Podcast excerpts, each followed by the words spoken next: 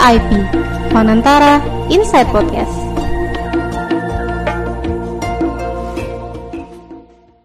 Halo VIPers, welcome back to Panantara Inside Podcast dan masih bersama aku Michelle. Sebelumnya, kami dari Panantara Communication ingin mengucapkan selamat Hari Raya Idul Fitri 1443 Hijriah. Mohon maaf lahir dan batin ya VIPers. Mohon maaf kalau kami suka bikin VIPers rindu karena nunggu episode baru VIP setiap bulannya. Buat VIPers, pasti sudah puas dan mungkin udah nggak mau lagi gitu ya makan ketupat, opor atau rendang gitu ya karena selama lebaran nih pasti dari sarapan, makan siang sampai makan malam itu makanannya makannya ketupat sama rendang terus gitu. Jadi bulan ini dinetralisirnya sambil dengerin VIP kali ya. Tapi nggak apa-apa ya teman-teman, walaupun mungkin kalian sudah bosan gitu ya makan ketupatnya, tapi tetap dihabiskan karena jangan sampai disisakan atau dibuang karena one of the ways to save the earth is through finishing your meal. Clean your plate ya guys, itu penting banget. Nah, di bulan April lalu kita membahas tema Hari Bumi, yaitu investing in our planet. Di bulan ini masih sama, kita masih bahas tentang bumi-bumi juga gitu. Dan sama organisasi yang juga nggak kalah kerennya gitu. Tanpa berlama-lama lagi, kita langsung yuk ngobrol di VIP episode ke-52 ini dengan spesial gitu kali ini karena kita bersama dengan dua narasumber yaitu bersama Kak Aulia Salsabella, co-founder dan CEO dari Pratisara Bumi dan juga Kak Titin Alfiani, Research and Development dari Pratisara Bumi. Halo kakak-kakak, apa kabar nih Kak? Gimana kalau gimana nih lebarannya? Boleh cerita-cerita sedikit Kak? Gimana nih kalau dari Kak Bella? Uh, lebarannya nih gitu. Apa kabar juga nih Kak? Gimana nih kesan-kesan selama lebaran di tahun ini setelah sudah akhirnya pada dibuka mudik, apakah kakak mudik juga gitu kak? Bener banget sih, setelah tiga tahun ini, sebelumnya keluarga aku tuh selalu mudik gitu. Jadi tipe keluarga yang uh, merantau uh, dari Jawa gitu ya ke arah barat. Jadi setiap tahunnya tuh mudik tuh sesuatu yang sangat ditunggu-tunggu gitu. Nah setelah dua tahun nih kan 2020-2021 uh, absen gitu karena borders ditutup gitu ya istilahnya. Akhirnya uh, pulang juga nih dan seneng banget sih bisa ketemu sama keluarga yang udah lama gak ketemu terus juga bisa uh, makan bareng gitu. Dan juga yang pastinya karena nge banget nih kita bikin TikTok bareng nih. Lebaran pasti apa ya kurang asik kalau nggak bikin TikTok gitu. Jadi hype-nya makin berasa ya kak ngumpul rame-rame. Iya. kayak kalau zaman sekarang kurang kalau nggak sambil tiktokan gitu ya. Benar. Kalau kak Titin gimana nih kak Titin suasana lebarannya gitu? Mungkin mirip-mirip ya kayak tadi disebut sama Bella karena emang udah beberapa tahun mudik itu nggak ada lebih kerasa aja seneng kalau ngelihat berita-berita ataupun info-info di media sosial tuh isinya orang-orang pada nyeritain gimana mudik, gimana macet terus kebetulan karena rumah aku di Lampung jadi kebagian tuh macet-macetnya gimana dan overall sih seru banget terus bisa banyak kumpul keluarga besar yang sebelumnya tuh mungkin apa ya sebelum pandemi kan kita bisa bebas ketemu siapa pun. Tapi ketika pandemi akhirnya kita bisa lebaran new normal tapi tetap mudik gitu. Jadi ya masih kerasa asiknya. Masih kerasa asik dan excitementnya sebenarnya sampai sekarang masih ada gitu ya. Kayak masih nggak masih nggak percaya kalau akhirnya tahun ini bisa bisa mudik dan ketemu sama keluarga gitu ya kayak ya, benar. pasti udah bisa apa udah seneng banget gitu bisa melepaskan rindunya setelah dua tahun ya. Karena kita pan, udah pandemi kan kira-kira kayak masuk di Indonesia akhir Desember akhir 2019 jadi mulai dari awal 2020 kita udah benar-benar nggak bisa ke mana-mana nggak bisa ngerayain hari-hari besar kita gitu-gitu ya kayak jadi wah seru banget sih. Kebetulan aku nggak nggak merayakan nggak merayakan lebaran jadi agak kurang tahu sensasinya gitu. Cuman hmm. tahunya versi macet-macetannya aja gitu kan. Semuanya yeah, macet yeah. di mana-mana macet tapi untungnya di Jakartanya jadinya agak sepi gitu. Nggak macet oh, di Jakartanya. bener, bener, ya. semuanya pada keluar gitu. Yeah. Nah kak, sebelum kita bahas lebih dalam lagi nih tentang pelestarian bumi kita gitu ya, boleh dong kak diceritain sedikit gitu tentang Pratisara Bumi boleh dong VIPers tahu tentang apa sih concern utamanya gitu dari Pratisara Bumi terhadap lingkungan, terhadap Indonesia gitu.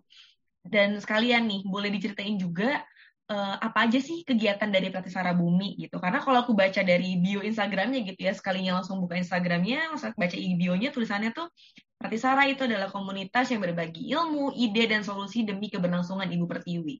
Jadi kira-kira apa aja sih Kak gitu uh, concern utama dan kegiatan-kegiatan yang dipunyai oleh Pratisara Bumi. Boleh silakan dulu dari Kabela. Oke, makasih banyak Kak Michelle.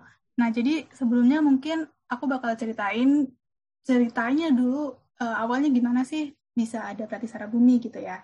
Nah, uh, terkisahlah gitu ada tiga orang, yaitu aku dan dua teman aku.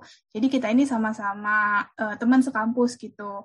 Dan kebetulan background kita ini emang bersinggungan banget sama lingkungan nih. Aku sama satu teman aku itu uh, jurusannya oceanografi atau ilmu kelautan, dan satu teman lagi itu biologi gitu. Dan di satu kesempatan aku sama salah satu temanku ini melakukan ekspedisi gitu ke suatu pulau namanya tuh Pulau Pagerungan Kecil di area Madura dan di sana tuh kita melihat masyarakat di sana ngerasa banget nih uh, kok sekarang uh, pulau kita nih makin kecil ya areanya karena muka airnya naik atau misalnya um, cuacanya makin panas atau gelombangnya makin tinggi gitu. Nah sebagai orang-orang yang kita emang belajar gitu ya, oh ini tuh pasti ada kaitannya sama climate change nih. Nah dari situ kita benar-benar ngelihat oh ternyata yang beneran ngerasain tuh justru bukan kita yang ngerti gitu ya. Justru orang-orang yang tinggal di eh, pulau-pulau kecil pesisir kayak gitu. Dan uh, apa yang kita amati misalnya di teman kampus kita sendiri aja itu masih belum yang ngerti kalau misalnya perubahan iklim itu beneran nyata dan uh, kalau misalnya kita nggak mulai beraksi sejak sekarang itu bisa gets worse dan uh, imbasnya tuh ke mana-mana gitu ke ekonomi, ke kesehatan, ke banyak hal kayak gitu. Nah dari situ kita ya gimana ya uh, kita pengen lebih banyak orang tahu tentang uh, perubahan iklim. Sebenarnya awalnya kita lebih concern tentang perubahan iklim kayak gitu karena itu yang paling real dan kita benar-benar melihat kejadian nyatanya di depan mata kita kayak gitu kan. Nah uh, bermula dari situ gimana caranya kita uh, membagikan apa yang sudah kita tahu nih sebelumnya dari misalnya dari kita baca buku atau misalnya dari dari kelas juga gitu gimana uh, seenggak-enggaknya teman kita dulu deh yang ada di dekat kita gitu teman-teman kampus kayak gitu kan. Nah ya udah kita mikirnya ya udah coba kita bikin sosial media aja kali ya karena emang masanya banget gitu kan. Anak muda kayak kita pasti aktifnya di sosial media kayak gitu. Nah kita pengen bikin sosial media yang berbagi tentang uh, sharing aja gitu tentang hal-hal berbau lingkungan. Sebenarnya mulanya dari situ. Kita pengen orang-orang tahu dulu tentang lingkungan supaya kan tidak kenal maka tidak sayang ya. Nah jadi gimana kita mengenal bumi dulu kayak gitu mengenal alam lingkungan kayak gitu dan dari situ kita hadapi nih ini loh permasalahan yang sedang terjadi di bumi kita gitu supaya sejak kenal itu orang-orang jadi mulai iya ya kok kayaknya um, nggak baik-baik aja nih bumi kita tuh sebenarnya. Nah, dengan kita memunculkan atau memberitahu nih, ini loh kondisinya sekarang yang sebenarnya tuh nggak baik-baik aja kayak gitu. Nah, dari situ kita menawarkan solusi gitu. Maksudnya kita kasih tahu nih, kalau misalnya sebagai anak muda itu apa sih yang bisa kita lakukan atau misalnya uh, di skala besarnya tuh sebenarnya solusinya seperti apa seperti apa kayak gitu. Nah jadi pelatih Sara Bumi itu uh, kita pengennya adalah uh, menjadi sebuah platform di mana kita tuh berbagi informasi dan juga ide dan solusi gitu ya sesuai bio kita supaya semakin banyak orang yang tahu bahwa lingkungan itu sebenarnya adalah hak dan kewajiban semua orang untuk menjaganya kayak gitu sih. Tuh.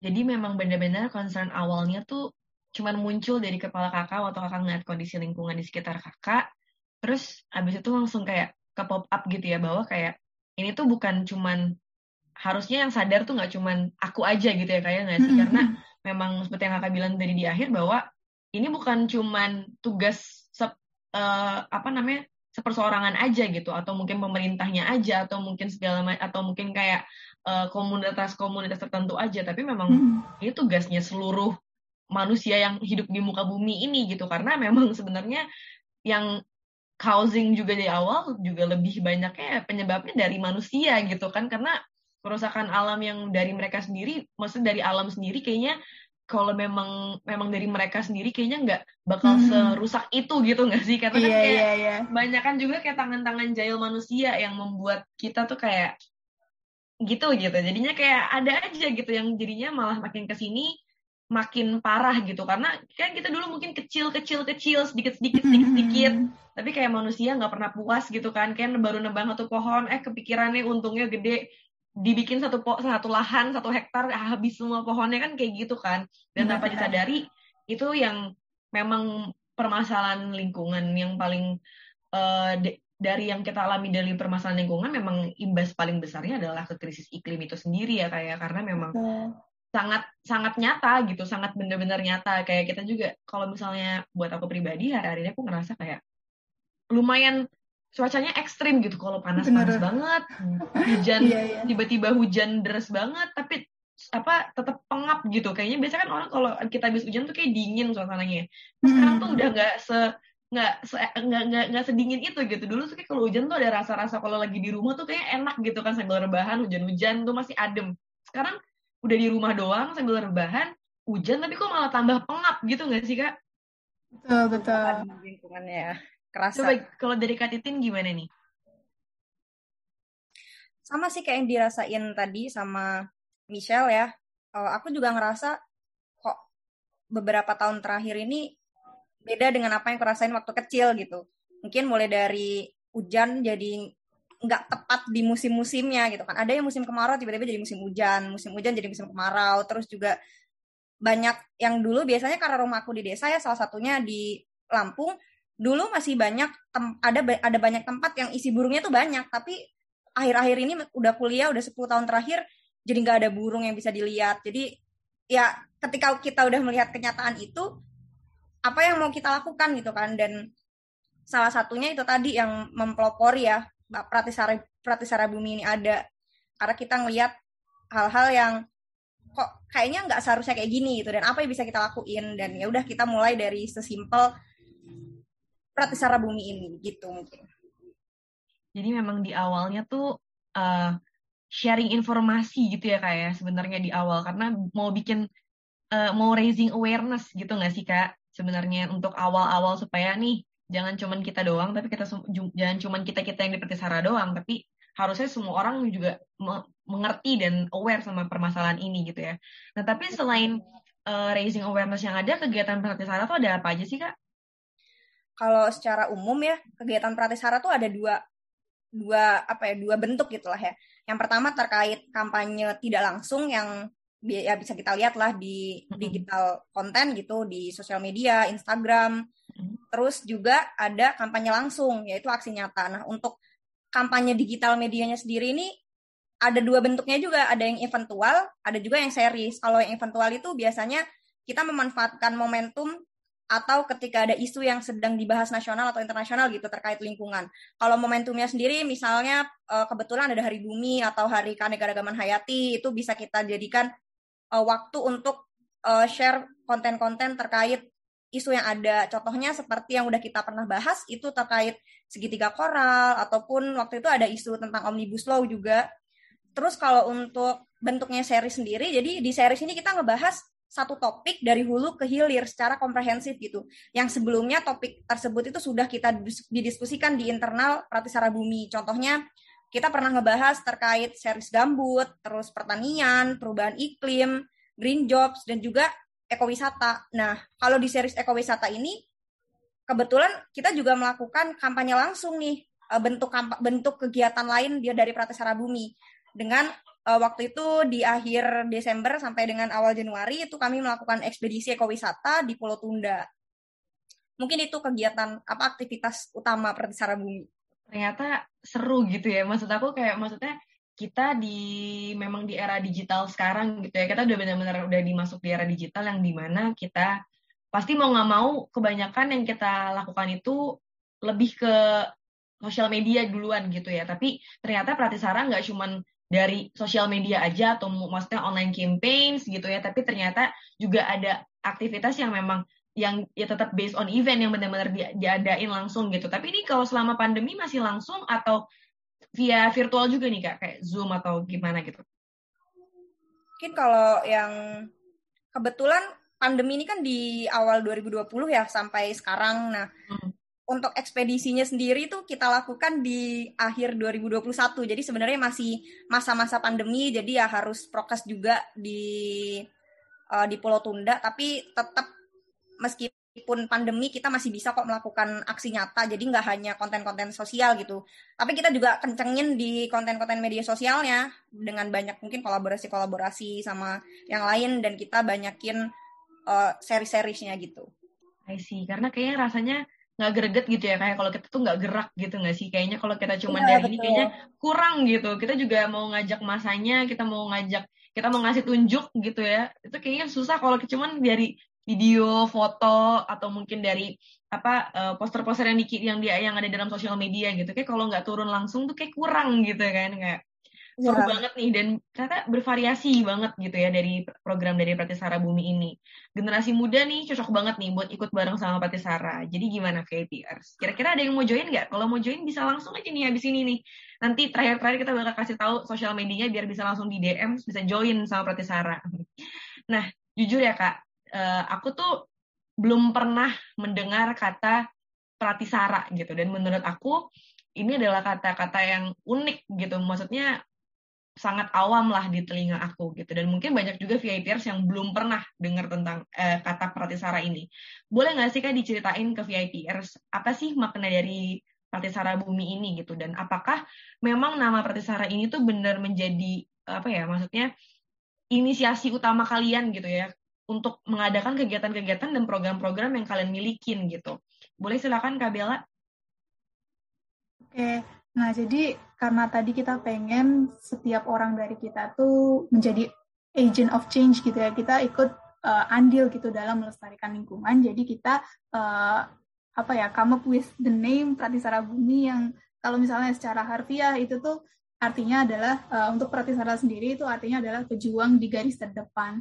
Sementara bumi ya bumi gitu. Nah, jadi harapannya uh, anggota-anggota dari Pratisara Bumi ini tuh bisa menjadi pejuang di garis terdepan dari bumi gitu. Wah namanya ternyata meaningful banget ya, cuman memang cuman mungkin karena aku belum tahu sebelumnya gitu dan kebetulan sekarang langsung ketemu sama tim Pratisara makanya aku baru nanya sekarang gitu ya. Jadi buat teman-teman VIPers kalau mungkin udah nanti mau tahu nih kayak apa nih Pratisara gitu ya, jangan lupa itu pejuang garis depan ya kayak. Ya? Betul, betul jadi pejuang garis depan untuk bumi kita dan terutama untuk ibu pertiwi kita. Nah, oh. next question nih kak, apa ada inovasi kreatif terkait lingkungan yang pernah kalian temui gitu dari eh, yang pernah ditemui oleh Pratisara gitu yang maksudnya benar-benar kalian tuh merasa ini nih kok baru sedikit atau kok baru kita kita doang nih yang mulai ngadain ini atau kita melakukan hal ini gitu. Kira-kira ada nggak sih kak yang kayak gitu dari kalian gitu? Karena mungkin kayak oh kalian punya pemikiran melakukan hal apa atau kegiatan apa yang kalian merasa tuh kayaknya mungkin mungkin mungkin pernah dilakukan orang lain tapi kok kayaknya nggak berjalan terus-terusan atau mungkin cuma sekali dua kali doang gitu. Silakan coba kak. Inovasi kreatif terkait lingkungan yang pernah kita temui gitu ya. Hmm, hmm. Mungkin ini um, apa ya ceritanya gini sih. Jadi kan di Pratisara Bumi ini kita mau nggak mau kitanya juga belajar kan karena kita mau uh, berbagi sharing gitu lah tentang ilmu atau informasi. Nah uh, jadi kita belajar suatu hal baru tentang e-waste gitu. Uh, jadi sebenarnya kita semua pasti punya apa ya sampah HP jadul kita atau mungkin um, kamera yang udah nggak nyala dan sebagainya. Dan selama ini pasti aku yakin sih sebagian besar dari kita tuh cuma nimbun itu doang gitu. Kita simpen di lemari terbawah yang kita nggak pernah jamah lagi kayak gitu. Nah sebenarnya setelah kita pelajari it's, apa ya itu tuh bukan hal terbaik yang bisa kita lakukan uh, kepada sampah-sampah tersebut gitu. Karena satu dia memang apa ya kalau dibiarkan begitu aja dalam waktu yang lama itu bisa apa ya berbahaya juga gitu buat kesehatan kita terutama misalnya dari baterai kayak gitu. Nah, yang kedua sebenarnya sampah kita itu bisa menjadi nilai lagi gitu kalau misalnya diolah dengan tepat.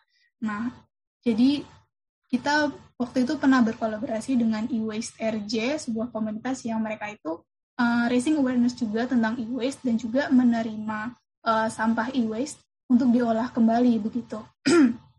nah, dari situ kita um, apa ya belajar kalau misalnya daripada kita buang apa sampah misalnya HP Nokia yang udah jadul banget kalaupun kita jual juga kan kayaknya nggak apa ya nggak begitu bernilai gitu kan. Daripada kita asal buang aja ih tempat eh, menu-menuhin tempat nih kita buang di tempat sampah kayak gitu. Yang kita nggak tahu nanti ujungnya kayak gimana gitu. Kalau dia apa ya asal dibuang terus terekspos matahari secara lama terus nanti dia uh, baterainya meledak dan lain-lain itu kan justru berbahaya tuh nah jadi alangkah lebih baik apabila sampah tersebut tuh kita salurkan ke pengolah-pengolah yang memang tahu gimana cara mengembalikan nilai dari sampah tersebut kayak gitu. Nah, contohnya adalah e-waste ini. Itu sih salah satunya yang aku uh, kalau misalnya nggak apa ya bukan karena dari secara bumi ini aku nggak bakal tahu gitu dan ya udah sampai sekarang pasti sama aku yang masih nempe, uh, numpuk aja kayak gitu.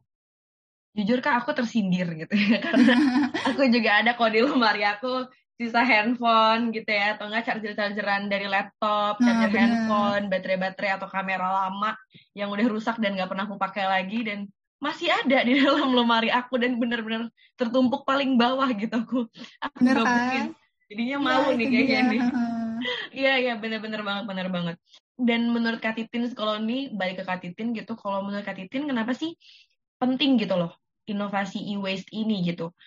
dan kenapa ini jadi berguna untuk pelestarian alam di Indonesia gitu. Dan menurut uh, Pertisara sendiri, apa sih arti dari melestarikan lingkungan gitu? Dan seberapa besar dampak yang kira-kira bisa diberikan Pratisara untuk lingkungan di sekitar Pratisara dan juga untuk masyarakat untuk pelestarian lingkungan. Silakan Kak Titin.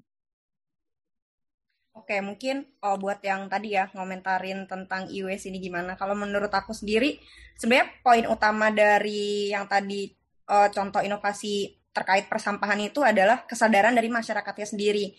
Seperti yang kita tahu juga kalau di Indonesia ini di mana-mana tuh kita sering banget nemuin sampah gitu, entah sampah plastik, sampah kertas, sampah organik yang berceceran di mana-mana dan itu uh, masya apa orang-orang yang menghuni sekitar tempat itu masih rendah kesadarannya gimana untuk mengelola si sampahnya. Atau mungkin bahkan pengelolaan di tingkat atasnya sendiri. Mulai dari kita udah pilah sampah tapi ketika masuk ke TPA ternyata dicampur lagi atau gimana. Dan itu masalah yang serius. Dan dari sampah-sampah itu kan selain secara langsung yang kita lihat secara apa selain nggak enak buat dilihat terus uh, baunya juga nggak enak dicium itu kan juga bisa meningkatkan apa pemanasan global gitu. Dan akhirnya ke arah perubahan iklim yang lebih buruk yang bisa kita rasain. Jadi penting banget untuk kita bisa mengelola sampah dengan lebih baik gimana. Salah satunya ya dari sampah handphone, terus dengan sampah-sampah yang lain selain sampah handphone itu tadi.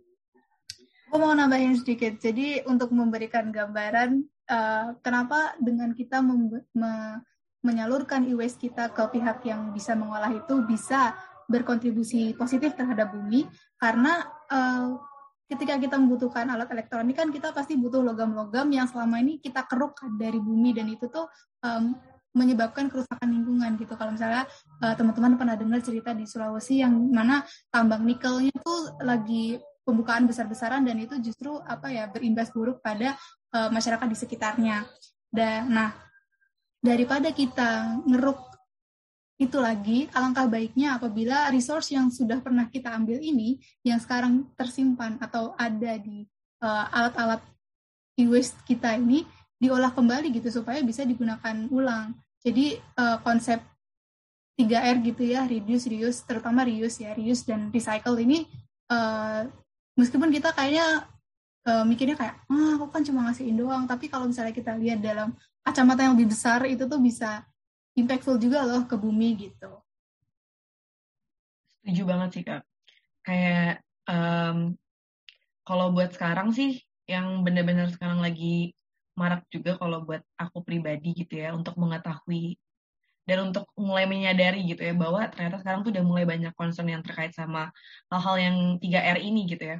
Aku tuh juga ngelihat dari salah satu toko kosmetik ya yang cukup besar yang ada di Indonesia, itu sekarang mereka tuh udah ada kayak bak sampahnya gitu untuk botol-botol jar-jar bekas serum apa pun itu yang udah kita pakai gitu. Mau yang plastik mau yang beling mau yang apa pun bentuknya mungkin ada yang saset atau apa pun itu kardus-kardus uh, packagingnya itu tuh udah itu bisa kita masukin ke situ. Dan kayak mungkin walaupun di situ tuh ada tulisan nanti bisa dapat poin gitu ya untuk dimasukin ke aplikasinya. Tapi secara tidak sadar itu tuh impactnya lebih besar gitu ya. Bukan cuma tentang nanti kita dapat poin terus after that kita bisa dapat diskon gitu ya. Tapi lebih ke ini benar-benar kayak mereka apa namanya ini nggak bisa ini nggak akan kita buang sembarangan.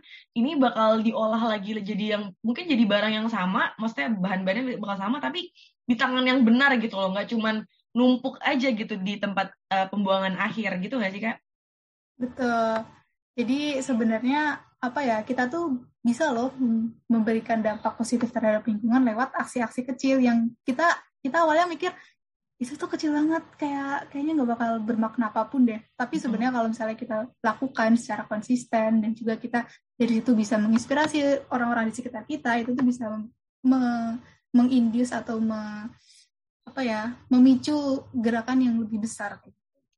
Setuju banget kak nah kalau mau ngomongin tentang pelestarian lingkungan di Indonesia sebenarnya udah nggak awam lagi gitu ya karena bahkan sekarang tuh yang ngotot banget untuk gerak bareng-bareng untuk yang mengadakan yang membuka membuat dan menginisiasi sebuah program kegiatan atau organisasi gerakan itu justru anak-anak muda gitu di Indonesia benar-benar anak-anak muda semua gitu. Dan uh, benar-benar banyak banget yang mereka mau lakukan dan mereka karena mereka tujuannya bukan tentang cuman mau ikut-ikutan tren tapi mereka juga mulai aware bahwa hal itu penting untuk melestarikan alam terlebih untuk di bumi pertiwi kita sendiri gitu di Indonesia gitu.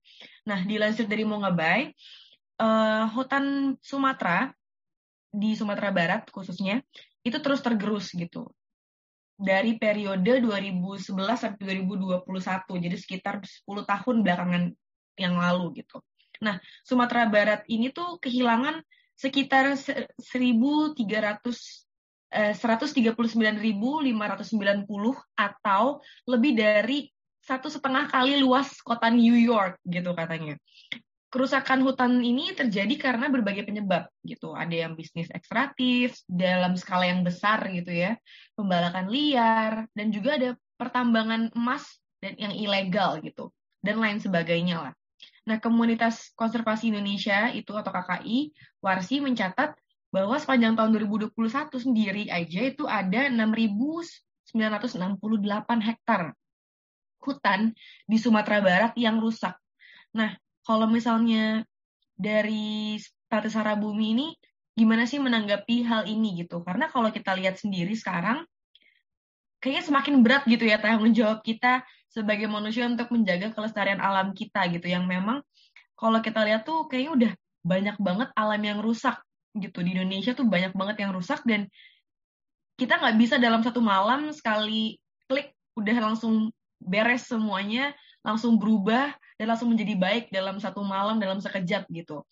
Dan bagaimana gitu ya kita bisa membantu untuk alam dengan segala kerusakannya agar bisa lebih pulih dan dalam waktu yang sesegera mungkin gitu karena masa depan maksudnya bulan depan pun tuh sebuah masa depan buat kita sebenarnya dan tapi kayaknya kalau misalnya menakutkan gitu ya kalau mendengar bahwa alam kita udah semakin rusak dan itu sangat berdampak besar bagi kehidupan kita. Kalau dari pandangan Patisara tuh gimana sih terkait sama hal ini dan kira-kira apa sih yang bisa kita lakukan segera gitu? Silakan mungkin dari Kak Titin. Aku jawab dulu ya. Oke, silakan Kak Bella. Nanti dilanjutin Titin. Nah, jadi sebelumnya menanggapi tentang hutan di Sumbar yang terus tergerus gitu karena uh, banyak aktivitas baik bisnis ekstraktif, pembalakan liar, pertambangan dan lain sebagainya kalau misalnya kita uh, lihat nih ya, sebenarnya sumber permasalahannya kenapa sih mereka tuh uh, membalak hutan gitu? Karena butuh untuk ngambil sesuatu gitu kan. Entah itu lahannya uh, kita butuh nih untuk dijadikan lahan pertanian atau misalnya kita butuh kayu-kayunya atau butuh dan lain sebagainya gitu. Kita intinya adalah butuh resource.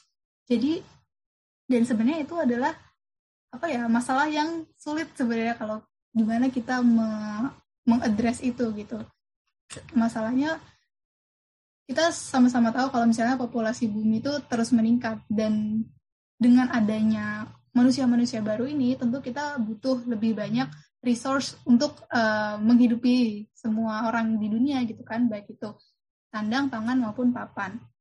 Nah, uh, dari situ sebenarnya kalau misalnya kita bisa melihat permasalahan ini bukan dari kacamata yang ih itu mah perusahaannya yang salah, kenapa harus merusak hutan? Itu mah kenapa uh, kenapa penambangnya yang salah dong? Kenapa harus uh, dirusakin kayak gitu?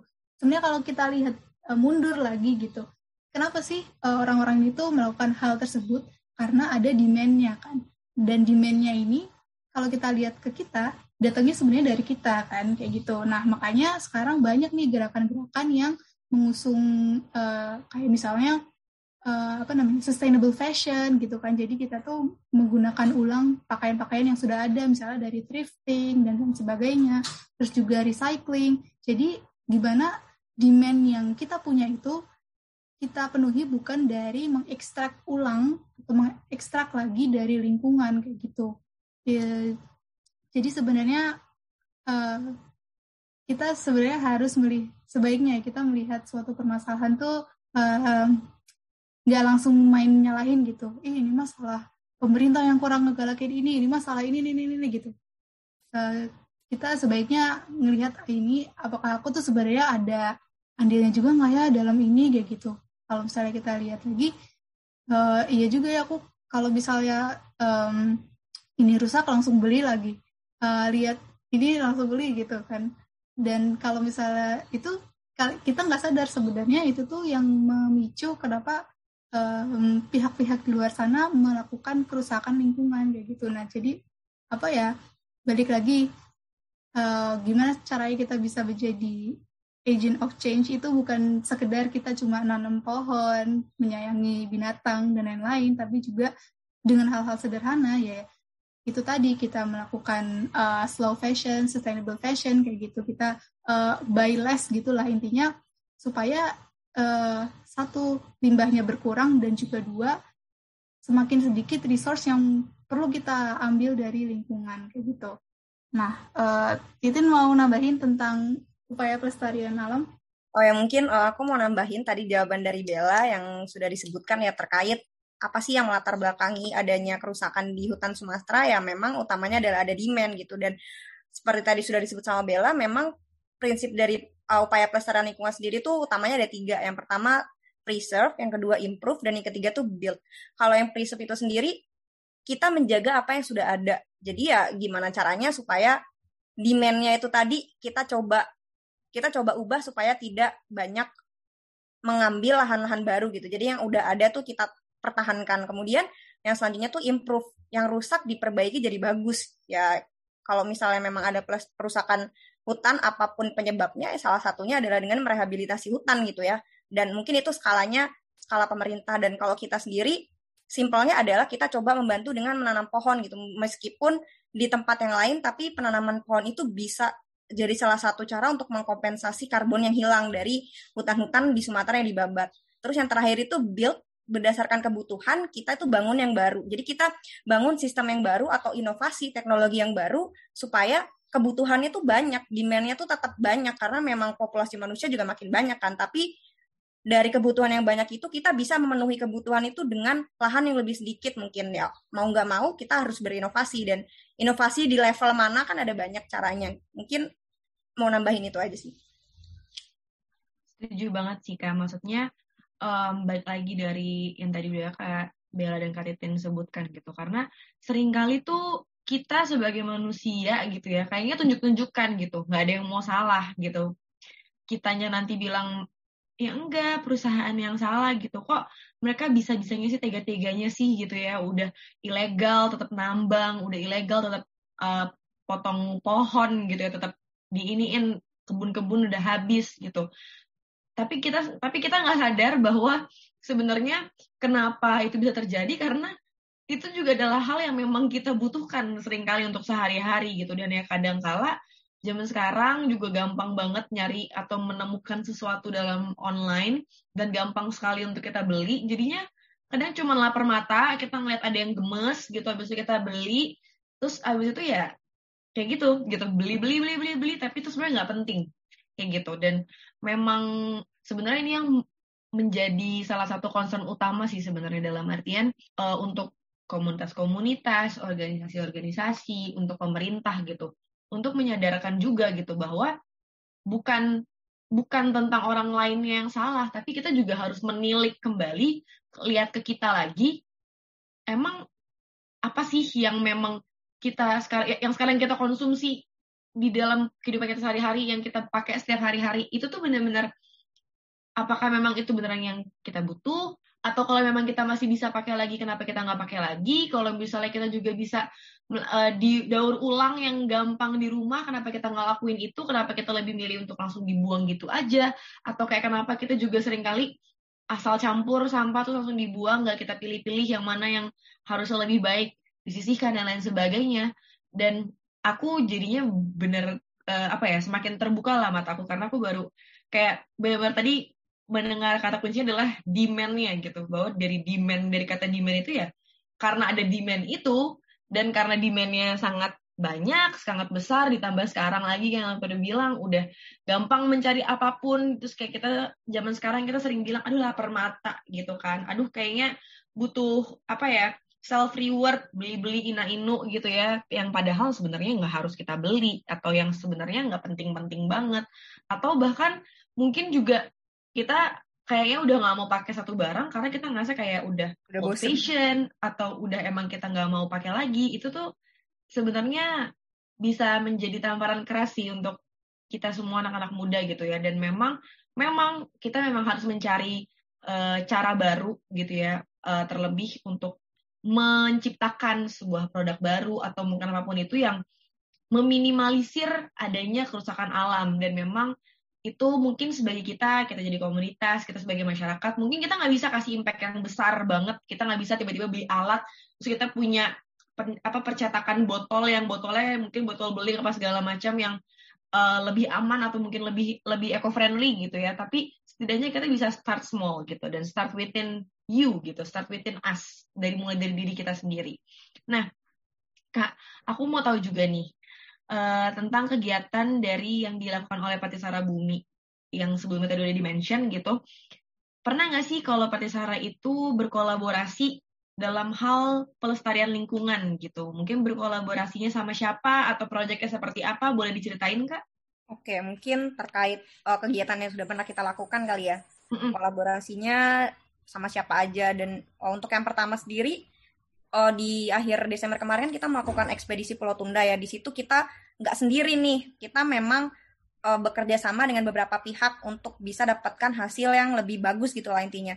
Terka kita kolaborasi dengan BWK Hati waktu itu sebagai uh, sponsor utama gitu ya. Kemudian Pulau Tunda punya cerita yang memang uh, komunitas lokal di Pulau Tunda yang bercita-cita untuk mengenalkan wisata di Pulau Tunda ini ke dunia luar gitu. Kemudian ada kelompok sadar wisata Pulau Tundanya dan juga kita bekerja sama dengan Nautika ITB.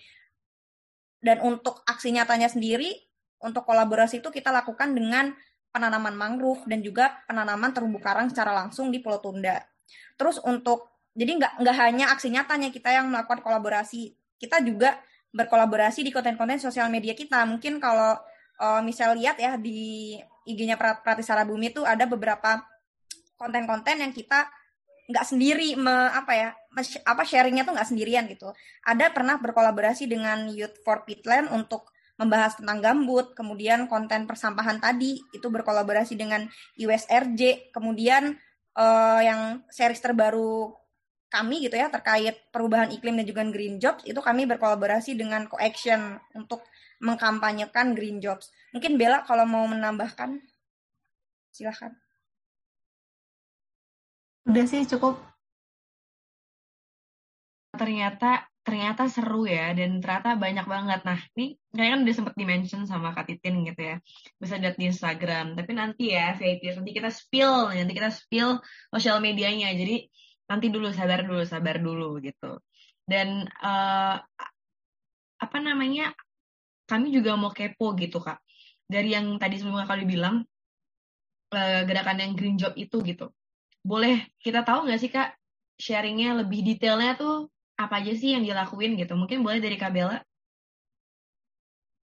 Oke jadi sebelumnya green jobs itu sebenarnya konsep yang nggak baru gitu. Kita sebenarnya sudah tahu cuma nomenklaturnya tuh baru gitu. Dan jadi kedengarannya baru Nah, jadi sesuai dengan namanya green jobs itu pekerjaan-pekerjaan yang um, bergerak langsung maupun tidak langsung dalam melestarikan lingkungan. Nah, kayak gitu.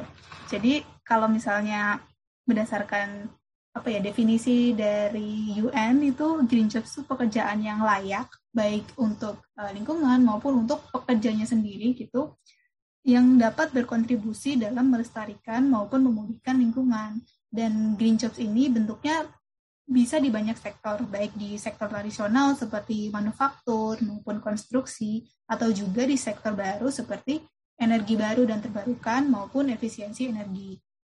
Nah, jadi simpelnya kalau misalnya green jobs ini kita lihat sekarang bisa berupa uh, rangers yang di Taman Nasional itu kan mereka melestarikan lingkungan kayak gitu ya atau yang uh, teman-teman yang kerja di NGO yang secara langsung misalnya melakukan penanaman uh, terumbu karang dan lain sebagainya. Nah, tapi sebenarnya ada juga pekerjaan yang kita pikir loh itu ternyata juga masuk green jobs ya kayak gitu misalnya um, dengan adanya sektor energi baru dan terbarukan nih. Nah, jadi kita sama-sama tahu kalau misalnya kebutuhan energi Indonesia ini pasti semakin besar gitu ya dan Indonesia itu sudah berkontribusi apa ya ber, berkomitmen untuk mengurangi proporsi energi uh, kotor, energi kotor ini seperti batu bara maupun um, minyak dan lain sebagainya ke uh, energi hijau seperti solar maupun angin, air kayak gitu. Nah, dari usaha pemunculan pembangkit listrik PLT, pembangkit listrik tenaga baru dan terbarukan ini, nah ini bisa munculkan lapangan-lapangan kerja baru dan ini bisa disebut sebagai green jobs kayak gitu. Jadi sederhananya green jobs itu baik langsung maupun tidak langsung itu dapat berkontribusi positif terhadap lingkungan. Gitu. Mungkin dari Kak Titin ada yang mau ditambahkan Kak Titin? ya mungkin uh, menambahkan sedikit terkait bentuk-bentuk lain gitu ya dari green job yang orang-orang mungkin berpikir loh ternyata ini termasuk green job ya. Salah satunya kalau tadi Bella udah menyebutkan dari sektor energi baru terbarukan mungkin dari sektor konstruksi kali ya. Jadi ada memang sektor-sektor pekerjaan yang membangun bangunan yang ramah lingkungan misalnya dengan desain yang lebih menyerap energi matahari, kemudian mengurangi konsumsi listrik bangunan itu sendiri, bagaimana pembangunan panel surya di rumah ataupun di kantor-kantor itu juga termasuk dari sektor green jobs, itu termasuk pekerjaan hijau ternyata. Terus juga uh, sisi lain nih dari jurnalis jurnalisme itu ada juga uh, jurnalis-jurnalis yang memang fokusnya membahas terkait pelestarian lingkungan dan itu ya termasuk juga green jobs. Jadi no, kayak tadi dibilang sama Bella nomenklaturnya baru tapi sebetulnya konsepnya itu sudah lama ada gitu dan ada semua di sekitar kita. Dan juga sebenarnya kampanye Green Jobs yang dibawa oleh Pratisara Bumi dan Action sebagai kolaborasi ini memang tujuannya untuk memberitahu anak-anak muda di Indonesia ya khususnya bahwa ada loh eh, sektor pekerjaan yang eh, punya dampak baik buat lingkungan. Dan ini potensinya tuh sangat besar gitu persentase lowongan kerjanya gitu lah kasarnya tuh sangat besar dan anak-anak muda tuh bisa menjadikan green job ini sebagai salah satu pilihan karir di masa depan. Jadi sebetulnya tujuan utamanya tuh kampanye green job ke arah sana. Biar hmm. kita berkolaborasi lebih banyak orang gitu ya di green job ini dan akhirnya pelestarian lingkungan dan alam tuh bisa terus berjalan dan semakin ditingkatkan gitu. Wah, asik banget sih aku udah mendengar banyak penjelasan dari Pratisara terkait dengan uh, cara Pratisara untuk bergerak melestarikan lingkungan dan juga terkait dengan program-program yang ada dari Pratisara gitu ya kak.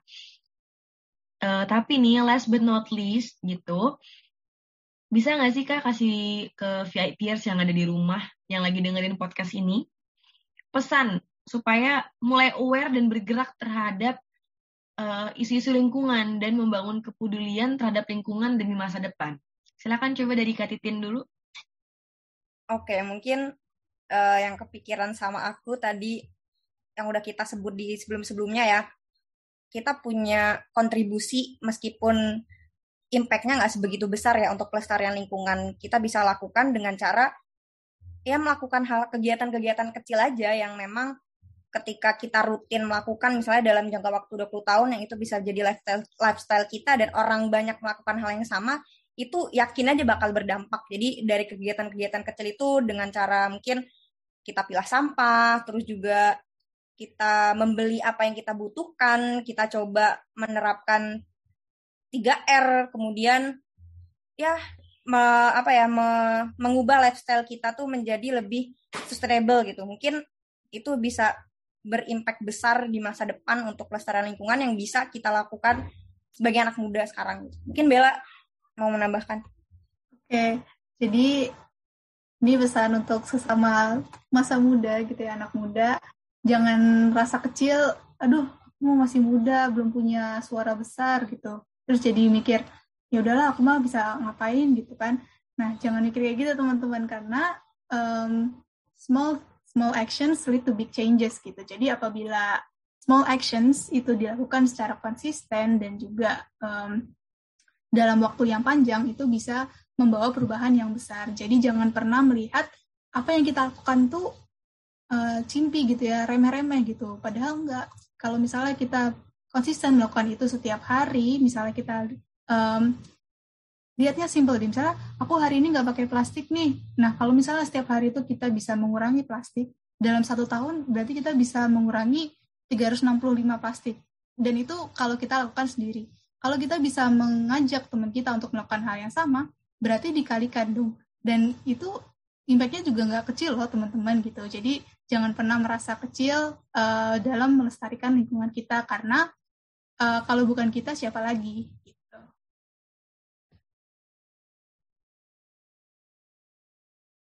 Wah, seru banget ya hari ini uh, kita bisa belajar bareng-bareng sama Pratisara Bumi nih VIPers. Kita bisa mendapat insight baru, kita bisa mengenal Pratisara Bumi juga gitu dan apa sih pandangan-pandangan Pratisara bagi bumi kita, bagi ke depannya keberlangsungan kelestarian alam dan juga krisis iklim ini. Tapi sayangnya waktu kita sudah habis gitu ya VIPers. Dan sebelum kita mengakhiri podcast ini gitu ya, untuk VIPers yang dari tadi mungkin udah dari awal udah udah kepo gitu ya, udah udah denger-denger uh, baik Kak Bella dan Kak Titin udah mention ada Instagram sosial media dari Patisara gitu ya. Boleh dong Kak nih, boleh Kak Bella atau mungkin Kak Titin coba dikasih tahu dong nama nama-nama dari sosial medianya Patisara supaya VIPers bisa catching up terus sama Patisara. Silakan Kak. Oke, makasih Kak Michelle. Jadi uh, sekarang kita fokus banget di Instagram. Jadi teman-teman bisa kepoin Instagram kita di @pratisarabumi, pratisarabumi dan juga ada YouTube kita. Itu. Jadi selain itu kita masih mencoba merambah sih uh, ke Twitter dan TikTok, tapi utamanya kita masih fokus di Instagram. Sampai jumpa di Instagram, teman-teman. Sampai jumpa di Instagram tuh teman-teman kata Kabela. Jangan lupa di follow ya untuk ya jangan lupa eh, follow. Ya jangan lupa follow untuk terus tahu update-nya dari Pratisara Bumi. Nah itu dia perjumpaan kita dengan Kak Aulia Salsabella dan juga Kak Titin Alfiani, uh, eh, CEO co-founder dari Pratisara dan juga Research and Development Team dari dari Pratisara Bumi. Jangan lupa VIPers, Fanantara Podcast selalu hadir di setiap bulan di hari Rabu dengan topik yang baru, narasumber yang juga pastinya inspiratif, berbeda di tiap episode, dan yang pastinya akan selalu menarik untuk kita dengarkan. Nah, jangan lupa juga untuk follow Panantara Insight Podcast di Spotify agar kalian gak ketinggalan episodenya. Kamu juga bisa download atau dengerin podcast kita kapan pun, di mana pun. Jadi siap-siap dengerin obrolan kita soal lingkungan, hutan, karena menjaga lingkungan dan hutan bukan hanya tugas pemerintah atau tugas petugas berwajib saja, tapi juga tugas dari kita semua manusia dan individu yang hidup di bumi ini. Kalau gitu, sampai di sini dulu episode VIP ke-52 hari ini. Kalau ada kritik dan saran, kalian bisa langsung DM ke Instagram kita di @panantara underscore com ya. Aku Michelle, sampai jumpa. Keep healthy. Thank you.